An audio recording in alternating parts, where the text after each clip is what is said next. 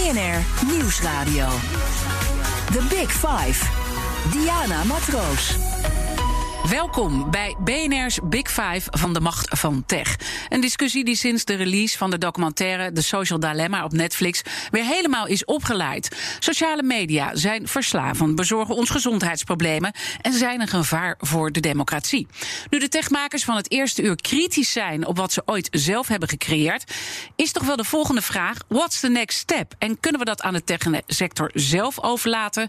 En hoe houden we ook het goede van technologie voor de wereld vast. Daarvoor praat ik deze week met de hoofdrolspelers. En vandaag is dat filosoof Hans Schnitzler.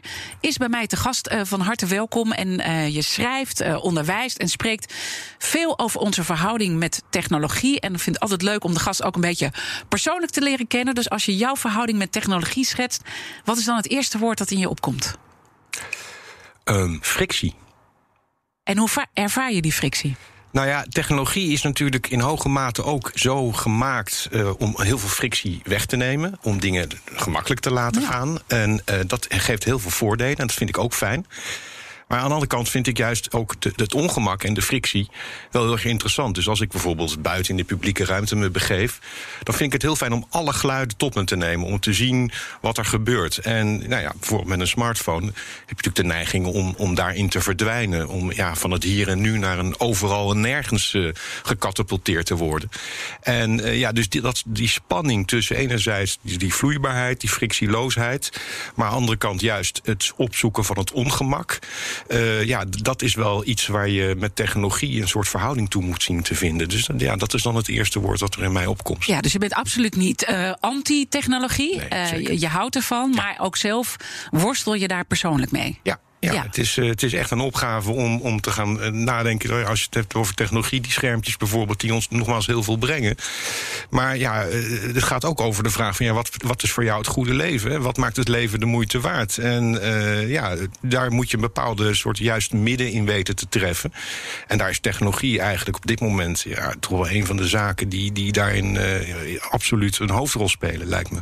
Je benoemt de zorgen als het gaat over de ontwikkeling. Wat is nou de grootste, of wat, waar krijg je echt de kriebels van op je rug dat je denkt: oh, waar zijn we mee bezig? Ja, nou dan denk ik dat mijn grootste zorg is dat we nu zeg maar uh, ja, een aantal, een heel klein aantal bedrijven, gigantische bedrijven, een soort monopoliepositie hebben gegeven. Dat zijn als het ware de poortwachters geworden voor alle informatie en, uh, die, we, die we met elkaar delen. En dat is een zeer onwenselijke situatie. Ik denk dat we ook steeds meer natuurlijk de keerzijde daarvan zien. En uh, ja, dat baart mij heel veel, heel veel zorg, omdat we daarmee zoveel uit handen hebben gegeven aan een paar commerciële partijen. En ja, die zijn er natuurlijk om winst te maken, om hun aandeelhouders tevreden te stellen. En ja, die zijn misschien niet in eerste instantie bekommerd om zoiets als publieke waarde. En ja. Uh, nou ja, dat, dat is denk ik waar, we echt, uh, waar echt nu echt actie op ondernomen moet worden. En daar gebeurt gelukkig ook wel het een en ander. Ja, daar gaan we zeker over praten ook. En, en of dat dan de goede oplossingen zijn, of dat daar nog verbeterpunten in zitten. Wat mij toch wel heel erg triggerde gisteren ook in het gesprek, en je hoort dat wel vaker, is dat eigenlijk uh, de techmensen zelf ook het zien als een black box. Dus dat ze eigenlijk ook niet meer weten hoe het algoritme werkt. En daar krijg ik persoonlijk de kriebels uh, van over mijn rug. Want dan denk ik, als zij het al niet meer weten. Nee, klopt. Nee, we hebben inderdaad, uh, we zijn een beetje, we hebben ons, en dat geldt dus ook voor mensen uit de industrie zelf, een beetje in slaap laten sussen. Dus ja, technologie heeft altijd natuurlijk een, een enorme belofte draagt dat in zich. Hè. Het is een hele creatieve, opwaartsgerichte kracht die, die ons eigenlijk in soort tovenaarsleerlingen ja. verandert. Dus we hebben de nerd ook natuurlijk omarmd. Van ja, die, die brengt zoveel mooie dingen. Ja. Die bedrijven als Google en Facebook. Eerst vonden ze suf, nu vinden ze, hè, vonden ja, we ze cool op Nu vinden we ze super. Of nou ja, nu, dat wordt alweer steeds minder natuurlijk. Ja. Het imago is wel wat, uh, wat, wat uh, nou ja, uh, groezelig geworden. Maar ja, dat is, dat is dus die aantrekkingskracht van technologie. Dat, we zijn ook technologische dieren in hoge mate. Dus we hebben altijd al technologie nodig gehad om ons überhaupt te kunnen voortbewegen. Dus in die zin is het logisch dat we het omarmd hebben. Maar ja, we zijn een beetje. we, hebben, we hebben een beetje toch te weinig oog gehad voor de commerciële belangen. Want vaak is het probleem niet zozeer de technologie zelf, als maar wel de verdienmodellen die Ja. erachter liggen. En ja, dat heeft ons langzaam maar zeker eh, een kant uitgerommeld. Waarvan je nu duidelijk ziet van ja, dat zijn black boxes geworden. Eh, Ook voor de, de techies zelf. We weten niet meer hoe die zelflerende algoritmen precies werken. Wat er, eh, wat er eh, in, in rondgaat. En ja, hoe ze tot bepaalde resultaten komen. En ja, dat is inderdaad ook een aspect dat, dat, dat problematisch is. Je zegt dus, mijn verhouding met technologie is frictie. En eigenlijk beschrijf je dat ook breder als het gaat over Nederland of over de wereld. Dat men zich nu meer bewust wordt eh, van dingen. Dat dat omarmen een beetje aan het eh, afbrokkelen eh, is. En dat heeft alles met, met het marktmechanisme te maken, waar waar, waar we gevoelig voor worden, klopt dat? Ja, nou ja, goed. Het is natuurlijk evident dat ehm, eh, wat, er, wat er gebeurd is, is dat natuurlijk op een gegeven moment eh, is zijn data, dat, dat is een, daar is een verdienmodel overheen gelegd. Dus het verzamelen van onze gegevens, het verwerken van die gegevens, eh, profielen ervan maken. Ja, daar, daar is als het ware het net is een beetje vercommercialiseerd, of laat dat beetje maar weg. Oorspronkelijk zou het ons ja, emanciperen eh, en we zouden daar wijzer misschien wel van worden. De democratie zou juist sterker worden, want democratie zou iedereen kon zijn sterker stem geven. Precies. Ja. En, en nou, tot op zekere hoogte, kijk, die structuur die is er nog steeds. Maar op het moment dat we dus ehm, die data als, als, als, eh, ja, als, een, als een goed zijn gaan zien... en dat, dat, die verhandeling daarvan... ja, dat betekent ook dat men ook steeds meer data moest genereren. Dus er kwam steeds meer de aandacht te liggen op... ja, hoe, hoe pak je nou die data, eh, Ja. die datamens te pakken? En, Ja. en dat betekent dat we vastgelijmd moesten worden aan die schermpjes. En ja, eigenlijk onze aandacht steeds meer gekaapt werd. Want ja, hoe meer we swipen, liken, sharen, hoe meer data we genereren. En Mhm. dat is natuurlijk het verdienmodel van die, eh, van die bedrijven. Dus daar zijn we kritischer over geworden. Tegelijkertijd zien we nu door corona dat iedereen helemaal in die digitale wereld duikt. Ja. Dus, Ja. dus is die frictie er wel echt? Want we zijn het eigenlijk weer veel meer aan het omarmen. Ja, nee, dat is waar. De, zeg maar, de schermificering van de werkelijkheid... die, die gaat natuurlijk nu in, in, zeg maar, in, de, in de zesde versnelling. Ehm, je ziet ook dat vanuit de industrie... daar natuurlijk eh, nu... ja, men laat het mooie, mooiste kant zien. Dus de scholen krijgen allerlei middelen... om dus on- online les te kunnen geven. Hè, hybride onderwijs, zoals dat dan nu heet. En het probleem daarvan is... nou ja, eerst maar... het is natuurlijk een groot voordeel geweest, dat is duidelijk. Zeker in het begin met Ja. corona. Dat bijvoorbeeld onderwijs, maar ook werk... dat we door konden gaan. Maar ja, tegelijkertijd is natuurlijk ook wel de vraag... als je bijvoorbeeld naar onderwijs kijkt... van ja, maar voor welk probleem wordt hier nu een oplossing gezocht? Want ja, misschien moeten we het wel hebben over kleinere klassen bijvoorbeeld... of misschien moeten we leerlingen naar buiten sturen. Dus ja, we laten ons heel makkelijk verleiden... door inderdaad met die schermen te, ja, te kunnen blijven functioneren. En tegelijkertijd gaat het dan ook over... ja, wat doet dat met onze betrokkenheid bijvoorbeeld? Eh, wat doet dat met onze aandacht? Eh, je, je- de, de, moeheid, de vermoeidheid... met het voortdurend met schermpjes bezig zijn... die slaat natuurlijk ook toe. Dus we moeten voortdurend blijven kijken... Ja, welke waarden zijn er nu in het geding? The Big Five. Diana Matroos. Deze week praat ik met vijf kopstukken die ons inzicht kunnen geven in de macht van tech. Later deze week zijn onder andere Constantijn van Oranje en Victor Knaap van Media Monks bij mij te gast. En vandaag filosoof Hans Schnitzler, die eh, heel veel schrijft over technologie dat nauwlettend al een aantal jaar eh, volgt. En ik wil toch even mijn gast gisteren eh, nog even aanhalen. Tech-ondernemer Jasper Hauser was bij mij te gast. Hij werkte vijf jaar in de bubbel van Silicon Valley als designmanager voor Facebook en kent Mark Zuckerberg ook persoonlijk. En hij zei: Ik vind dat we een discussie over ethiek in de tech centraal moeten voeren. En dat gesprek is trouwens, wat ik met hem gehad, terug te luisteren in eh, de BNR-app. Maar waar wij vervolgens een beetje mee zaten: oké, goed dat we die discussie eh, moeten voeren. Maar waar begin je? Want ook hij gaf aan van ja, waar je moet beginnen, last complex. En dan weet ik, filosofen die kunnen altijd heel goed vragen stellen. Dus help ons. Waar, waar moeten we beginnen? Nou ja, ik ben natuurlijk enorm blij dat nu ook vanuit de industrie zelf eh, dat erkend wordt. Dat steeds meer mensen zien van ja, technologie is niet neutraal. Dat, daar zitten allerlei impliciet vaak waarden in versleuteld. Dus ja, wat je eigenlijk moet gaan doen is dat allereerst onderkennen. Technologie is niet neutraal. Het gaat vaak over optimalisering, over snelheid, efficiëntie. Nou, prachtige waarden. Maar eh, die waarden die kunnen misschien ook op een gespannen voet staan met bijvoorbeeld publieke waarden. Dus wat er volgens mij, en dat is het interessante van deze tijd, juist doordat we steeds meer technologie eh, gebruiken, moeten we heel scherp in het oog uh, gaan houden van maar welke waarden uh, zijn voor ons van belang? Welke waarden als individu, maar ook als organisatie bijvoorbeeld? Wat zijn onze kernwaarden? Mm -hmm. En in hoeverre kan een, een introductie van een nieuwe technologie die waarden versterken? Maar misschien ook juist ondermijnen. Dus wat volgens mij de opdracht is, dat in allerlei beroepsgroepen, of het nou gaat over het onderwijs of over de zorg of in commerciële organisaties, je zult voortdurend moeten teruggrijpen wat zijn onze kernwaarden mm -hmm. en in hoeverre uh, staan die kernwaarden nu op gespannen voet met de introductie van een bepaalde technologie of kunnen die juist versterken. Dus, uh, maar doen we dat dan niet, dat we die publieke waarden of hè, welke waarden we allemaal hebben, uh, dat we die benoemen? Doe, slaan we dat ja, over? die benoemen we, maar tegelijkertijd omarmen we allerlei technologieën waar vaak impliciet uh, allerlei marktwaarden in versleuteld zitten, die misschien in een andere context niet zo behulpzaam zijn. Denk aan het fenomeen van slimme steden. Dat gaat natuurlijk heel erg veel over de stad zo efficiënt mogelijk maken, zo doelmatig mogelijk. Maar een stad is natuurlijk ook juist zo interessant omdat er rafelrandjes in zitten, omdat er juist ook frictie is. Dan komt dat woord weer terug. Dus je zult ook als, als overheid of als gemeente voortdurend heel erg nauwlettend in de gaten moeten houden. Van ja, wacht eens even. Wat, is, wat, wat verenigt nou de, de, de mensen in een stad? Uh, welke waarden vinden wij als, als, als, als overheid van belang? En, uh, en, en dat dan relateren aan het wel of niet uh, toepassen van technologieën. Want die link we hebben natuurlijk inderdaad vaak wel over waarden. Maar we vergeten vaak dat die technologieën onze waarden mede vormgeven. Dus ja, daar dus, moeten dus we, dus we moeten technologie op de tweede plaats durven te zetten. En echt van die, vanuit die waarden. Want, want help me nog even om het tot een concreter niveau. Hè, want je gaf al heel goede uh, voorbeelden van de slimme stap. Maar heb je nog zo'n voorbeeld? Uh, bijvoorbeeld van het onderwijs of, of uh, nou ja, vanuit zakelijke organisaties. Ja. Hè, waar iedereen nu aan het zoomen is en, en helemaal in die digitale uh, wereld zit, hoe we dat beter kunnen aanpakken. Ja, nou ja, je kunt natuurlijk denken, bijvoorbeeld, nou ja, laat ik eens, uh, het via schermen met elkaar communiceren. Dat is heel efficiënt. Mm -hmm. Maar tegelijkertijd doet dat ook iets misschien met betrokkenheid uh, van naar elkaar toe. En, en ook misschien met spontaniteit.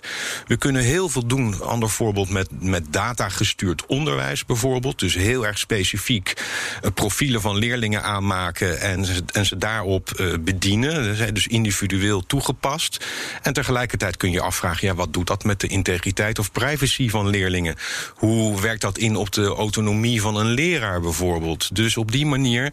Uh, ja, zijn we eigenlijk voortdurend. Uh, moeten we heel erg goed gaan kijken naar uh, ja. Ja, al die contexten en welke waarden daar in het geding zijn. En als je dan een advies aan een school of een, uh, een onderwijzer zou moeten geven vanuit die waarden die je dus veel beter naast elkaar moet leggen en technologie is daar een ondersteuner van. Wat zouden scholen dan bijvoorbeeld anders doen morgen dan wat ze vandaag doen? Dat ze heel erg expliciet uh, moeten. Uh, elke keer wanneer er een, een, een, nieuwe toepassing, een nieuwe technologie. de vraag wel of niet introduceren. dan zou je eigenlijk gewoon met elkaar om tafel moeten gaan zitten. moeten gaan kijken welke waarden vinden wij in onze organisatie. On, onderwijsorganisatie in dit geval. van belang. En vervolgens moet je gaan inventariseren met elkaar. Ja, wat, wat, wat, zijn er, wat is er nou voor of wat is er tegen om bijvoorbeeld heel veel data van leerlingen te gaan verzamelen? Mm -hmm. en, ja, dat breng je dan telkens weer terug naar je kernwaarden. Bijvoorbeeld integriteit. Stel dat dat een waarde is in je onderwijs. Nou, dat lijkt me wel voor, voor de hand te liggen. Ja, dan, dan moet je gaan proberen op een rijtje te zetten of zo'n technologie, of die daar wel aan tegemoet komt. Of je een bedrijf als Google of Facebook wel je onderwijs binnen wil halen, omdat die natuurlijk ja. Ja, data willen maar verzamelen. Het, uh, want ik vind het heel mooi uh, klinken, maar dan denk ik toch even, ja, we zitten gewoon in een versnelling uh, qua tijd. Zeker nu met corona heeft het nog meer een, een push gekregen. En als je ook naar de social dilemma kijkt, dan uh, ja, bekruipt toch wel een beetje het gevoel. We staan toch wel redelijk machteloos. Ik bedoel, je moet er gewoon in, in mee. Dit valt helemaal niet meer te stoppen. Nou ja, dat, uh, ik, ik weet niet of het, of het zo, zo, zo, zo zwart-wit is. Het is ook niet een kwestie van uh, wel of niet uh, je eruit terugtrekken. Maar ja, het, het is wel van belang om, om toch stil te staan bij, bij wat er gaande is. En, en daar wel zeker wel ruimte voor te creëren. Als voorbeeld met mijn studenten doe ik een experiment. Ze gaan een week lang offline. Dat doe ik niet omdat, ze, omdat ik ze in digitaal geheel onthouders wil veranderen. Maar wel om juist, doordat je eventjes afstand neemt ja. ja. dan kan je ook weer met een andere blik er naar kijken. Net zo goed als je wel eens op vakantie gaat en met een andere blik weer kijkt naar je stad of je dorp of je land. dus die afstand, die, dat zullen we onszelf moeten toestaan om dat toch te blijven doen. Ehm, en, en, en niet ja, gedachteloos als het ware technologieën te introduceren omdat ze zo goed werken en, en denken dat, het, dat ze ons, ja, onze snelheid of kunnen optimaliseren. Want wat we ook vaak vergeten, dat technologieën allerlei neveneffecten kunnen vertonen. Die, die in het begin niet helemaal duidelijk zijn, maar die zich op die de duur. nu steeds duidelijker worden. Die nu steeds duidelijker worden. Denk aan, ja, we hebben een enorme uitbreiding van communicatiemogelijkheden. En er is dus als het ware, ja, eh, we zijn echt wat dat betreft enorm verbreed. Maar tegelijkertijd heeft dat ook heel veel extra ruis gebracht. Dus we denken van ja, het is nu veel efficiënter, we kunnen makkelijker en sneller communiceren.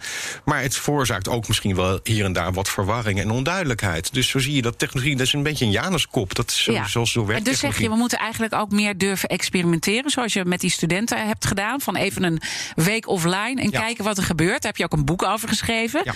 Wat gebeurde er? Oh, dat was heel divers. Uh, de studenten, in eerste instantie was het natuurlijk heel onwennig. Ja. Uh, ze misten iets. Het was bijna alsof ze een ledemaat misten, bij wijze van spreken.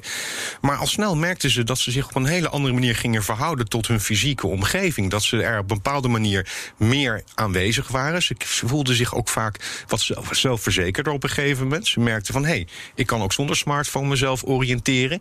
Ik kan mensen zelf om de weg vragen. De student zei van hé, hey, mensen zijn eigenlijk hartstikke vriendelijk als je ze, als je ze iets vraagt. Ja. Nou, dat soort inzichten. Maar misschien ja, het belangrijkste, denk ik, wat ze merkten, dat hun concentratie en hun aandachtsvermogen echt met sprongen toenam. Ja. En uh, ja, dat, dat is natuurlijk wel een belangrijk inzicht waar je denk ik iets mee wilt. En dan uh, was die week over. En wat deden mensen? Ja, dan kregen ze natuurlijk hun, hun, hun smartphone en hun, hun, laptops en alles kregen ze weer terug. En ja, dat is wel grappig, want je merkte wel dat ze een beetje ambivalent. Aan de ene kant wilden ze graag die, die tools weer terug hebben, maar ze hadden ook wel zoiets van ja, ze durfden, sommigen durfden het bijna niet meer aan te raken of het weer te openen. Dus natuurlijk, uh, ze gaan die dingen weer gebruiken. Maar bij de meeste zag je toch echt wel een verandering in houding. En probeerden ze op een meer bewustere of, of, of gewetensvolle manier om te gaan met die technologieën. Sommigen gooiden Instagram eraf of zetten hun notificaties uit. Er zijn zelfs een aantal die hun smartphone helemaal aan de wil gehangen. Nou, dat, dat hoeft natuurlijk niet. Iedereen moet natuurlijk kijken wat voor hem of haar werkt. Ja. Maar ja, het, het veroorzaakt wel. Nou ja, het zou wel leuk zijn om uh, ook, ook op de werkvloer zo'n experiment eens een keer te doen. Weet je, durf het een keer met een week met elkaar samen te werken zonder ja. uh, uh, die technologie. Hè, en dan kijken wat, wat, er gebeurt. Dat is best interessant om te doen. Ik het ook. waar ik nog even over verder wil praten, want ik stipte het al een beetje aan. Dat machteloze gevoel, wat eigenlijk wordt geschetst in de Social Dilemma op Netflix, die uh, documentaire. En ook wel in andere uh, verhalen. Van ja, die, die, die, die computers zijn zo ontzettend slim. En die rekenkracht is zo. Ja, daar kunnen we gewoon helemaal niet uh, tegenop. Is dat ook een beetje een frame wat er overheen wordt gelegd, waardoor we eigenlijk niet meer goed over dit onderwerp discussiëren? Ja, heel goed punt. Dat, ik denk dat dat echt. We hebben echt een probleem met de metaforen. Dus de industrie heeft natuurlijk al hun producten smart gekroond, slim. dus we hebben slimme steden, we hebben slimme koelkasten, slimme huizen. Ja, wij zijn een beetje dom. En ja, precies. Want, en, en wie wil er nou een domme koelkast aanschaffen of in een domme stad wonen? Maar doordat we dat, uh, ja, eigenlijk die, die begrippen zijn met, zijn met ons aan de haal gegaan. En uh, kijk, slim, intelligentie of kunstmatige intelligentie. Ja, wat is intelligentie? Dat is überhaupt iets waar we natuurlijk als filosofen graag mee bezig zijn. Het is helemaal niet zo duidelijk wat dat precies betekent. En ik denk dat wat, wat data of, of kunstmatige kunstmatige intelligentie doet, is een bepaald soort weten. Ze kunnen een bepaald soort kennis, ze kunnen informatie vergaren. Maar dat is natuurlijk wat heel wat anders dan ergens betekenis aan geven of, of zingevingsvragen.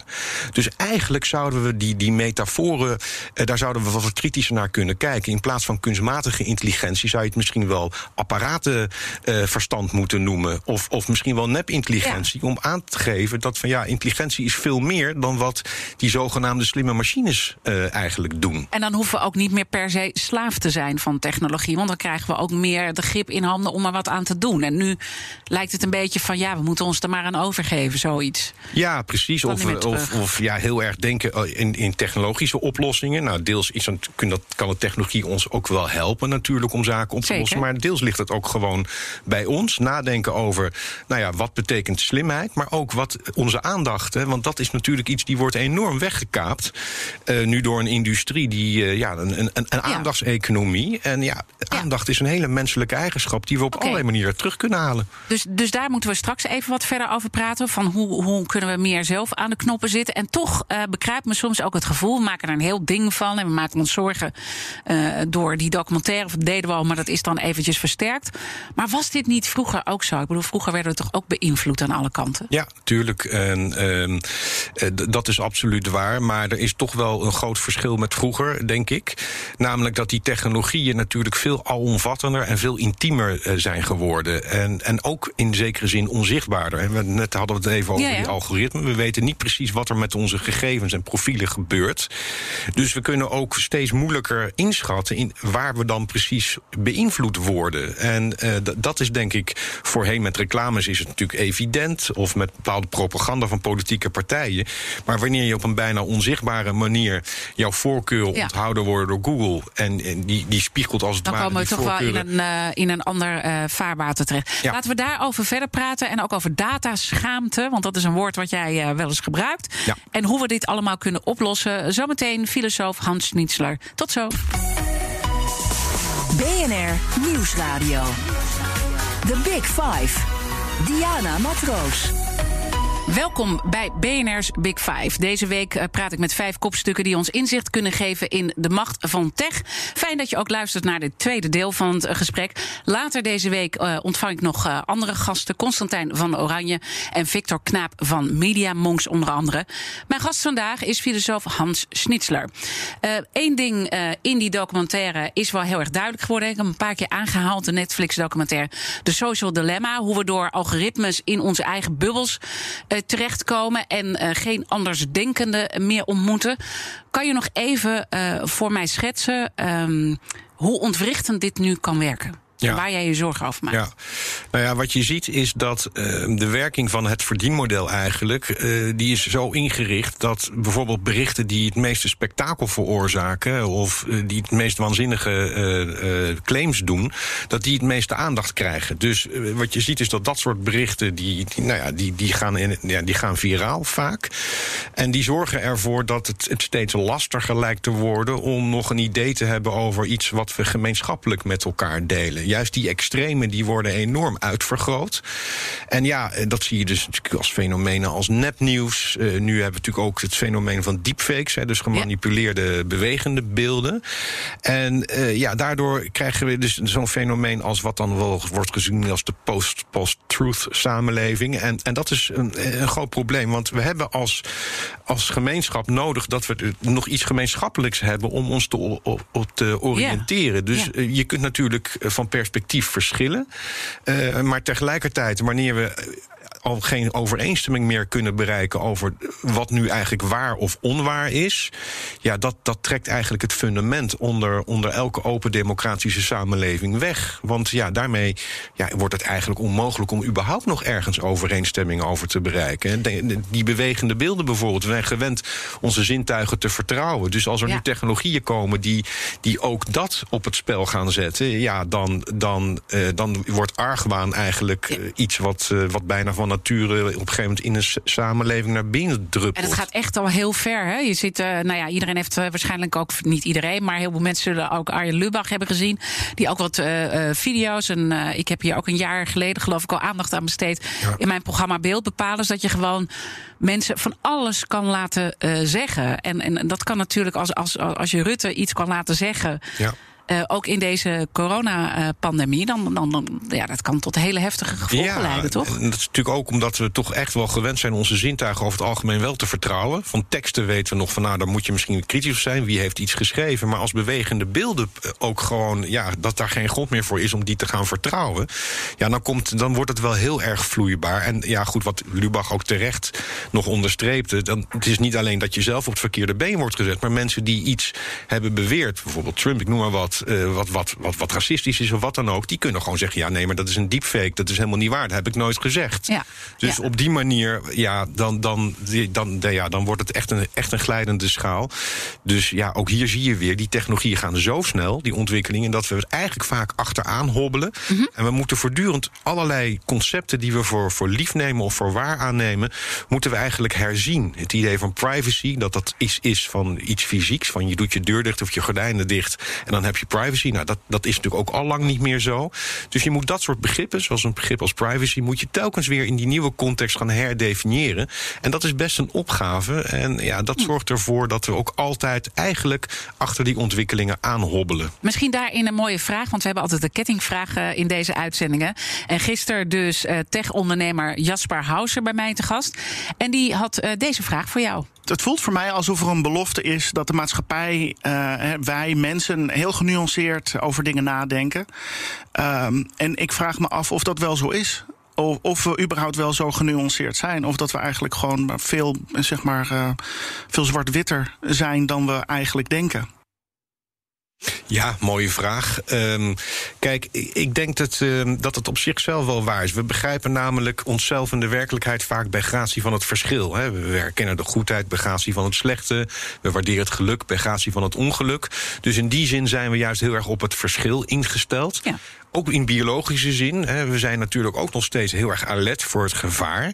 En het is altijd de onbekende ander die natuurlijk eh, mogelijkerwijs het gevaar binnenbrengt. Het vijanddenken. Dus het vijanddenken. En in de filosofie is dan de ander met hoofdletter. Ja. Dus zeg maar, dat, zeg maar dat tribale bewustzijn, dat zit zeker, denk ik, in ons als mens.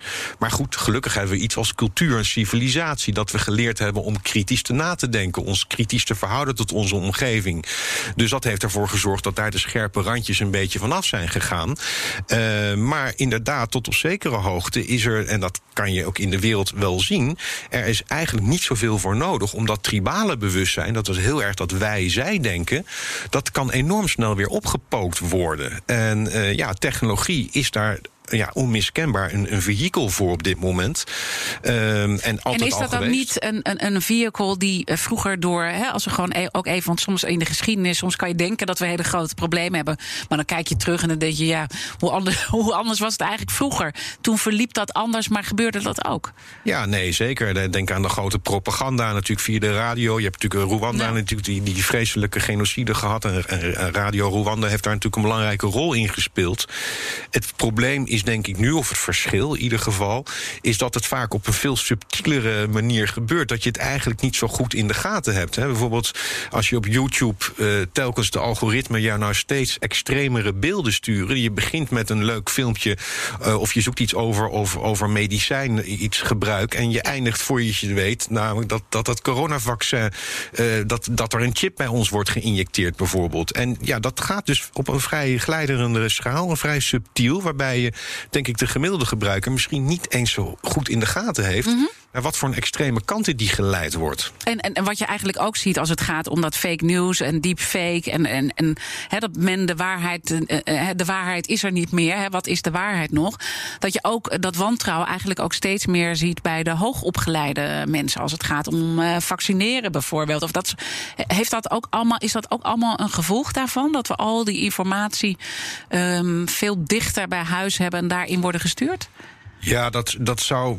Dat durf je, dat zou natuurlijk kunnen. Dat, daar, daar zit, dat speelt denk ik wel zeker een rol. Kijk, het voorbeeld van die vaccinatie, dat snap ik nog wel. Want we weten ook dat zo'n vaccin normaal gesproken dat er tientallen jaren overheen gaan. Ja. Dus het is niet zo gek dat mensen een beetje sceptisch zijn van nou wacht eens even, nog nee, een jaar maar ook verder. voor corona hè, zag je dat die groep, waar, waar het vroeger met name de Bijbelbelt was, dat die Ja. groep nu al ontzettend aan het uh, veranderen is. Dus dat het uh, vertrouwen in vaccineren uh, toch uh, afneemt, ook bij de hoogopgeleide bevolking. Ja, klopt.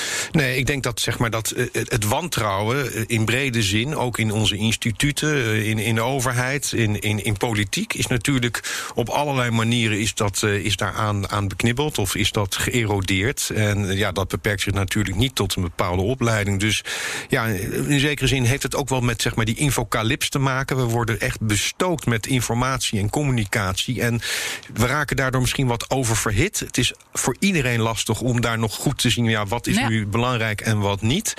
En ja, dat vind ik ook hoor. Ja. Dus dat, ja, dat speelt een rol. En ook, kijk, handelen, ons handelen is, is eigenlijk een manier om prikkels af te laten vloeien. Dus we willen, je krijgt prikkels binnen, eh, communicatie bijvoorbeeld, en daar wil je op reageren. Het liefst op een betekenisvolle en bedachtzame manier. En, en dat kan je doen door eh, iets te zeggen, door te handelen. Maar wanneer je een soort bombardement van informatie- en communicatiestromen te verwerken krijgt, dan wordt dat steeds lastiger om dat in dat handelen te laten afvloeien. Ja, en dat maakt ons dus ook gestrest. Hè. Woorden als infobesitas, social media stress, twitteritis niet te vergeten. En dus er zullen ook weer een hoop consultants en eh, coaches zullen daar geld aan verdienen. Ja, trouwens. Dus, ongetwijfeld. nou, ook daar komt dan weer een heel businessmodel uh, op gang. Kan beter bij filosofen te raden gaan, zou ik zeggen. Maar goed. Dat zou ik ook zeggen als ik jou. Uh, we hadden het natuurlijk al over technologie die niet neutraal is, omdat er een verdienmodel achter ligt. Maar er is nog iets heel erg belangrijks. Want de codes worden gemaakt door een bepaalde homogene groep. Dat blijkt toch zo vaak te zijn. Witte programmeurs, vaak mannen van een bepaalde leeftijd. En daar heeft een zwarte Amerikaanse onderzoeker, Joy Bualamwini, een documentaire over gemaakt. Code bias. Dus, uh, nou ja, de, in de Verenigde Staten wordt er heel veel over gesproken. Hij wordt vanavond volgens mij gelanceerd. Hoe kijk jij naar het bias binnen algoritmes? Ja, nou ja, dat is, een, dat is een, echt een groot probleem. En dat is, daar zijn ook echt wel veel voorbeelden al, al van beschreven. Is, het is evident. En we vergeten dat altijd. Dat die technologieën worden natuurlijk in eerste instantie. Die algoritmen worden geschreven door mensen. Je zou kunnen zeggen, er zitten mensen in onze machientjes. Dus allerlei vooroordelen. Ja, die raken daar ook in versleuteld. Een, een bekend voorbeeld is in de Verenigde Staten, waar rechters een gebruik maken van een slim computerprogramma om uh, te, te voorspellen of iemand die veroordeeld wordt, wat de mm -hmm. kans is dat die persoon weer de fout in zou gaan. Hè, het risico recidive. En wat bleek, daar is onderzoek naar gedaan, dat uh, juist Afro-Amerikaanse uh, veroordeelden kregen veel vaker, maar ook vooral ten onrecht, een hoger risicoprofiel toebedeeld ja. dan hun blanke lotgenoten. En ja, dus het is, het is evident dat, dat dat een rol speelt. En ook in, in sollicitatieprocedures. Amazon had volgens mij ook op een gegeven moment ook een slim programma, zogenaamd slim programma, gebruikt om mensen uit te nodigen om, om wel of niet ja, op gesprek te komen. En ja, het plotseling op van dat er toch wel mm -hmm. heel veel blanke witte mannen telkens het, het systeem dat tevoorschijn toverden. Nou, dus daar dus het is heel belangrijk dat we daar ook die verschillende perspectieven natuurlijk inbouwen. Want witte mannen, want anders wordt het weer zo van de witte mannen hebben het altijd gedaan. Uh, zo zit het niet, nee. hè, want dat gaat vaak allemaal, dat zijn allemaal onbewuste uh, vooroordelen. Maar uh, belangrijk dat je daar wel die verschillende perspectieven, zeker, want jij noemde al even de slimme stad. Hè, we willen zeker in een slimme stad wonen en niet in een domme stad. Ja. gaf je al heel gevat aan. Maar als ik dan aan die slimme stad denk en als je dan bias in systemen krijgt, ik vind het toch wel een, een, een enge gedachte. Ja, dat klopt. Dus ja, dat betekent inderdaad dat we ja, wederom je dus heel kritisch moet verhouden tot, tot het gebruik van technologieën. Dus ook nadenken als je het hebt over inclusiviteit bijvoorbeeld. Dat, -hmm. als, dat als stad is natuurlijk een belangrijke waarde. Ja, dan moet je goed nadenken van, nou ja, als, als we weten dat die vooroordelen erin versleuteld zitten en we hebben daar nog niet zo snel een oplossing voor, dan moet je dus heel erg uh, alert daarop zijn en nadenken van, ja, we kunnen wel een wijk uh, aanmerken als een, een risicowijk, omdat de algoritmen dat, dat ons vertellen. En dan gaan we daar meer surveilleren. En ja, wat een verrassing. We vinden dus ook meer uh, overtredingen. En, en dan, dan wordt die wijk die, die wordt nog gevaarlijker zogenaamd of misdadiger. Dus ja, dat zijn die feedback loops die, die, die, die, die dat enorm kunnen versterken, die vooroordelen ook, door ja. die technologie. En, en je kan natuurlijk ook, uh, stel dat je uh, wel bewust die perspectieven gaat aanbrengen en bepaalde groepen um, gaat categoriseren binnen zo'n slimme stad. Uh, bijvoorbeeld als het gaat over vervoer naar een, uh, naar een groot stadion. Van iedereen heeft een andere uh, manier van type vervoer gebruik maken. Dan kan het in het voordeel zijn van bepaalde groepen. Ja.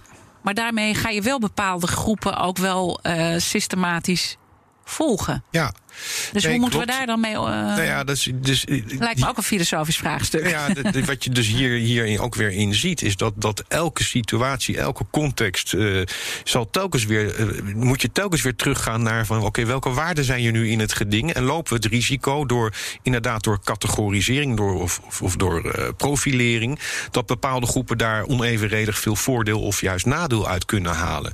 Ja, en eh, ik denk, zodra je dus inderdaad kunt bevroeden, dat gaat het geval zijn dan moet je toch naar, naar andere oplossingen of andere technologieën gaan zoeken om, om bepaalde publieke problemen of zaken die spelen op te kunnen gaan lossen. BNR Nieuwsradio. The Big Five.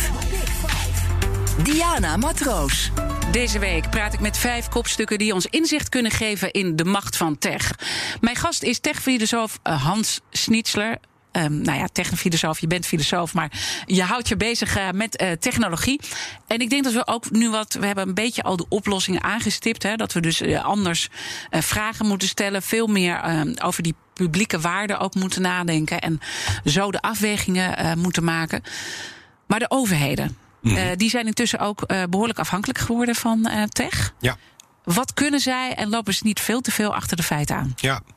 ja, per definitie, politieke overheden lopen over het algemeen sowieso achter feiten aan. Dus dat, dat hoeft ons niet eh, meteen te verontrusten. Maar inderdaad, eh, er is wel zaak om ook hier weer heel erg op, op alert te zijn op de privatisering van de publieke ruimte. Natuurlijk prachtig om bedrijven als Google of Facebook of Amazon allerlei publieke diensten te laten uitvoeren. Maar ja, goed, daarmee geef je natuurlijk ook iets uit handen. En dat gaat natuurlijk dan weer over data. Dus ja, uiteindelijk de vraag waar het voortdurend op neerkomt: van wie zijn die data eigenlijk? En ja, ik pleit er eigenlijk, en ik niet alleen, dat we data eigenlijk meer als nutsvoorziening moeten gaan zien. Net zoals water of elektriciteit. En dat je dus enorme vraagtekens moet zetten bij het commercieel verhandelen van data. Data zijn heel nuttig. Die kunnen ons enorm veel helpen in allerlei eh, zaken op te lossen. Maar tegelijkertijd de, de, ja, de, de het verhandelen van persoonlijke gegevens of profielen. Ja, daar zie, hebben we nu wel, weten we nu wel van dat dat heel erg problematisch is. Dus er zijn ook Barcelona is een mooi voorbeeld. Die gaan natuurlijk nog wel met techbedrijven in zee. Want nogmaals, technologieën eh, brengen ons heel veel. Alleen die zorgen ervoor dat die data terugvloeien naar de stad. Dat het compleet transparant is wat er met die data gebeurt. En dat die dus niet aan derde partijen worden verkocht op een onzichtbare datamarkt. Dus ja, data-eigenaarschap, dat is hier natuurlijk echt cruciaal. En dat geldt natuurlijk niet alleen voor, voor overheden, maar ook voor bedrijven of onderwijsinstellingen.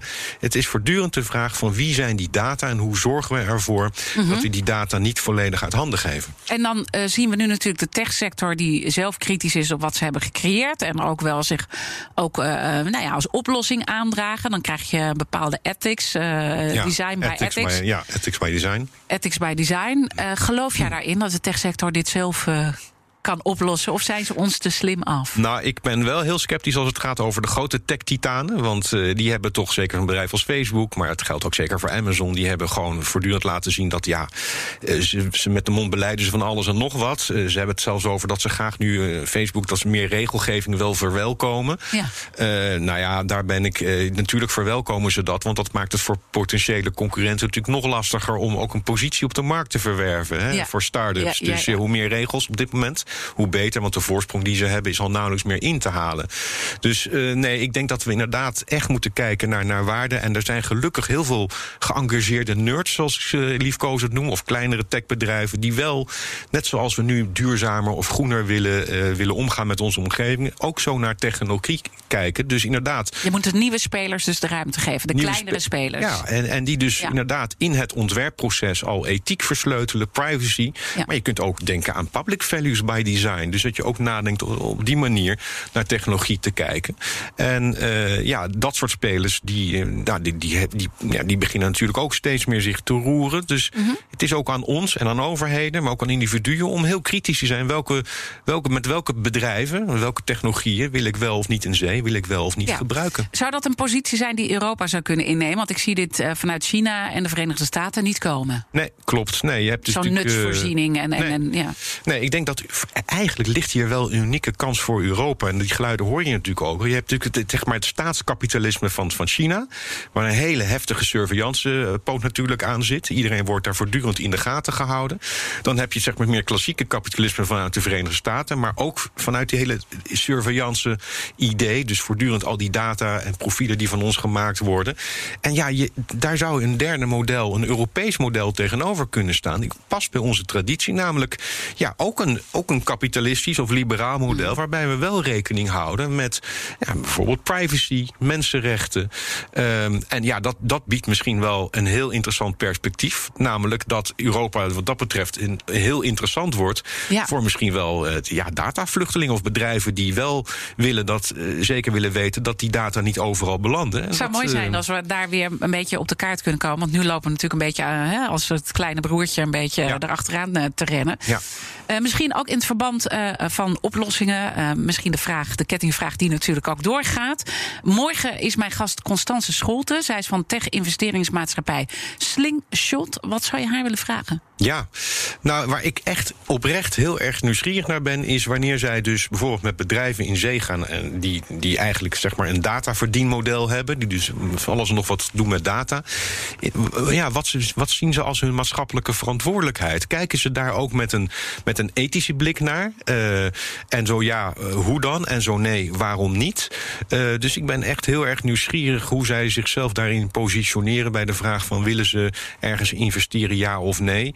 Uh, ja, kijken ze dan naar hoe groen in, ja. in het kader van, van privacy en van uh, data uh, zo'n zo'n start-up of, of bedrijf is. Mooie vraag, die ga ik zeker meenemen morgen als ik met haar spreek. Uiteindelijk gaat het ook om ons als individu. En uh, we hebben in ieder geval van jou geleerd. We kunnen echt wel wat. We staan niet uh, machteloos Zeker. tegenover al de, die rekenwonders uh, die verpakt zijn in de computer.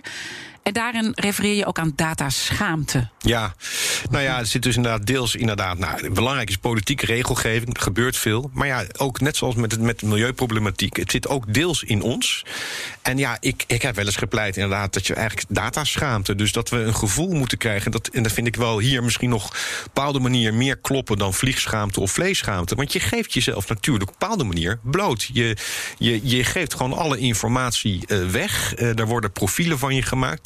Gaan over je verlangens, je wensen, je voorkeuren. Dus je laat bij wijze van spreken in je ziel kijken. Of je verkoopt je ziel in ruil voor al die gratis producten. Mm -hmm. En ja, wij zouden toch ook niet zo snel willen vertellen wat we met de huisarts bespreken. Of welke, ja, misschien soms mm -hmm. wel zelfs perverse wensen of gedachten of verlangens we hebben. Ja. En ja, dus die, dat gevoel van schaamte in de zin van dat dat een heel functioneel, functionele emotie is. Omdat het uh, ons ook op een bepaalde manier enige afstand laat houden tot, tot de ander, maar ook tot onze eigen, nou ja, misschien impulsen, uh, is denk ik hier wel een manier om, uh, om, om, om dat serieus te nemen. En dan zit ik morgen, krijg ik de update binnen voor mijn uh, iPhone. Ja. Met die hele lange lijst. En dan doe ik toch akkoord. Ja, ja, ja, ja dan kan is, ik me schamen voor mijn data, dat ja. ik het allemaal weggeef. Maar dat blijft natuurlijk toch wel heel concreet het probleem. Want anders doet dat ding helemaal niks meer. Nee, dat snap ik. En, en uh, we zijn natuurlijk geneigd om heel snel daarin mee te gaan. En ik denk dat er ook hier. Kijk, het is natuurlijk een beetje extreem gesteld. Maar het gaat hier ook misschien ook wel over onderwijs. We moeten natuurlijk ook, ook onze jongeren en kinderen uh, laten zien. Van, ja, wat, wat is technologie? Wat doet het? Uh, wat brengt het ons? maar tegelijkertijd ook heel erg alert en bewust maken van uh, de keerzijde. En wat ze wel of niet uh, willen weggeven. En ik denk dat het daar nog wel aan schort. Uh, want ja, uiteindelijk gaat het natuurlijk wel over ethiek, over handelen. En ja. hoe je op een verantwoorde wijze je wilt verhouden tot die schermwereld. Dus daar is nog wel veel een wereld te winnen. We begonnen deze uitzending, ja, persoonlijke frictie uh, met uh, technologie. Als filosoof, waar filosofeer je over richting die toekomst? Um, in, in, welke zin bedoel je dat precies? In nou ja, hoe, hoe, het gaat met technologie en wat, wat, nou ja, laat ik zeggen, waar, waar ga jij op focussen? Om, om, om, wat, wat, wat wil jij vatten? Nou ja, ik, ik, ik, ik zit nu voor mijn volgende boek, probeer ik het nog meer vanuit een soort uh, culturele gepositioneerdheid te denken. Van ja, wij, wij willen ook heel graag uh, die technologieën omarmen, die als het ware bijna als een soort nieuwe godheid ons kunnen leiden. Dus misschien vinden het wel, we zijn eigenlijk, we vinden het heel moeilijk om goede keuzes te maken, morele afwegingen. En die technologieën nemen dat steeds meer van ons over. En misschien willen we dat eigenlijk ook wel heel erg graag. Want we vinden het lastig om die verantwoordelijkheid te dragen voor bepaalde keuzes. Dus wat zou het toch heerlijk zijn als technologieën dat voor ons overnemen. En dus eigenlijk zijn we bewust machteloos. Nou ja, in zekere zin wel. En ja, misschien is het wel heel fijn als technologie voor ons de keuze maken welke politieke partij we moeten eh, stemmen. In plaats van dat we daar zelf over moeten nadenken. Nou, ik probeer dus nu nog meer na te denken van ja, waar komt dat verlangen vandaan? En dan kom je snel al bij dat de waarheid. God is dood. We hebben de grote verhalen ten graven gedragen. Dus we moeten ons helemaal zelf oriënteren. Voor betekenis, zingeving, waarheid. En dat vinden we lastig. En daar zit een, een duidelijke culturele dynamiek achter. En ja, dan kom ik bij Nietzsche, nihilisme. Nou, dat wordt allemaal heel spannend. Maar dus ik, ik probeer nu toch ook meer dat soort gedachte-experimenten verder te doordenken en te onderzoeken in hoeverre dat ook op, zeg maar, deels ook cultureel bepaald is. Interessant. Interessant. Dat we, ja, het, onze Laten we daar dan een andere keer over verder praten. Want dat uh, boeit me enorm wat daar uh, uitkomt. Maar in ieder geval dank uh, voor nu. Filosoof Hans Schnitzler. En natuurlijk zijn alle afleveringen van BNR's Big Five. Zoals altijd terug te luisteren. De podcast in de BNR-app en op bnr.nl. Ik wens iedereen een hele mooie dag. Bij BNR ben je altijd als eerste op de hoogte van het laatste nieuws. Luister dagelijks live via internet. Jelle Maasbach. Wesley Weert. We zijn er voor je met het leukste, opvallendste, maar natuurlijk ook het belangrijkste nieuws. Tijdens de presentatie van die halfjaarcijfers toen die beurskoers in elkaar kukkelde. BNR Beurs. Voor de slimme belegger. Blijf scherp en mis niets.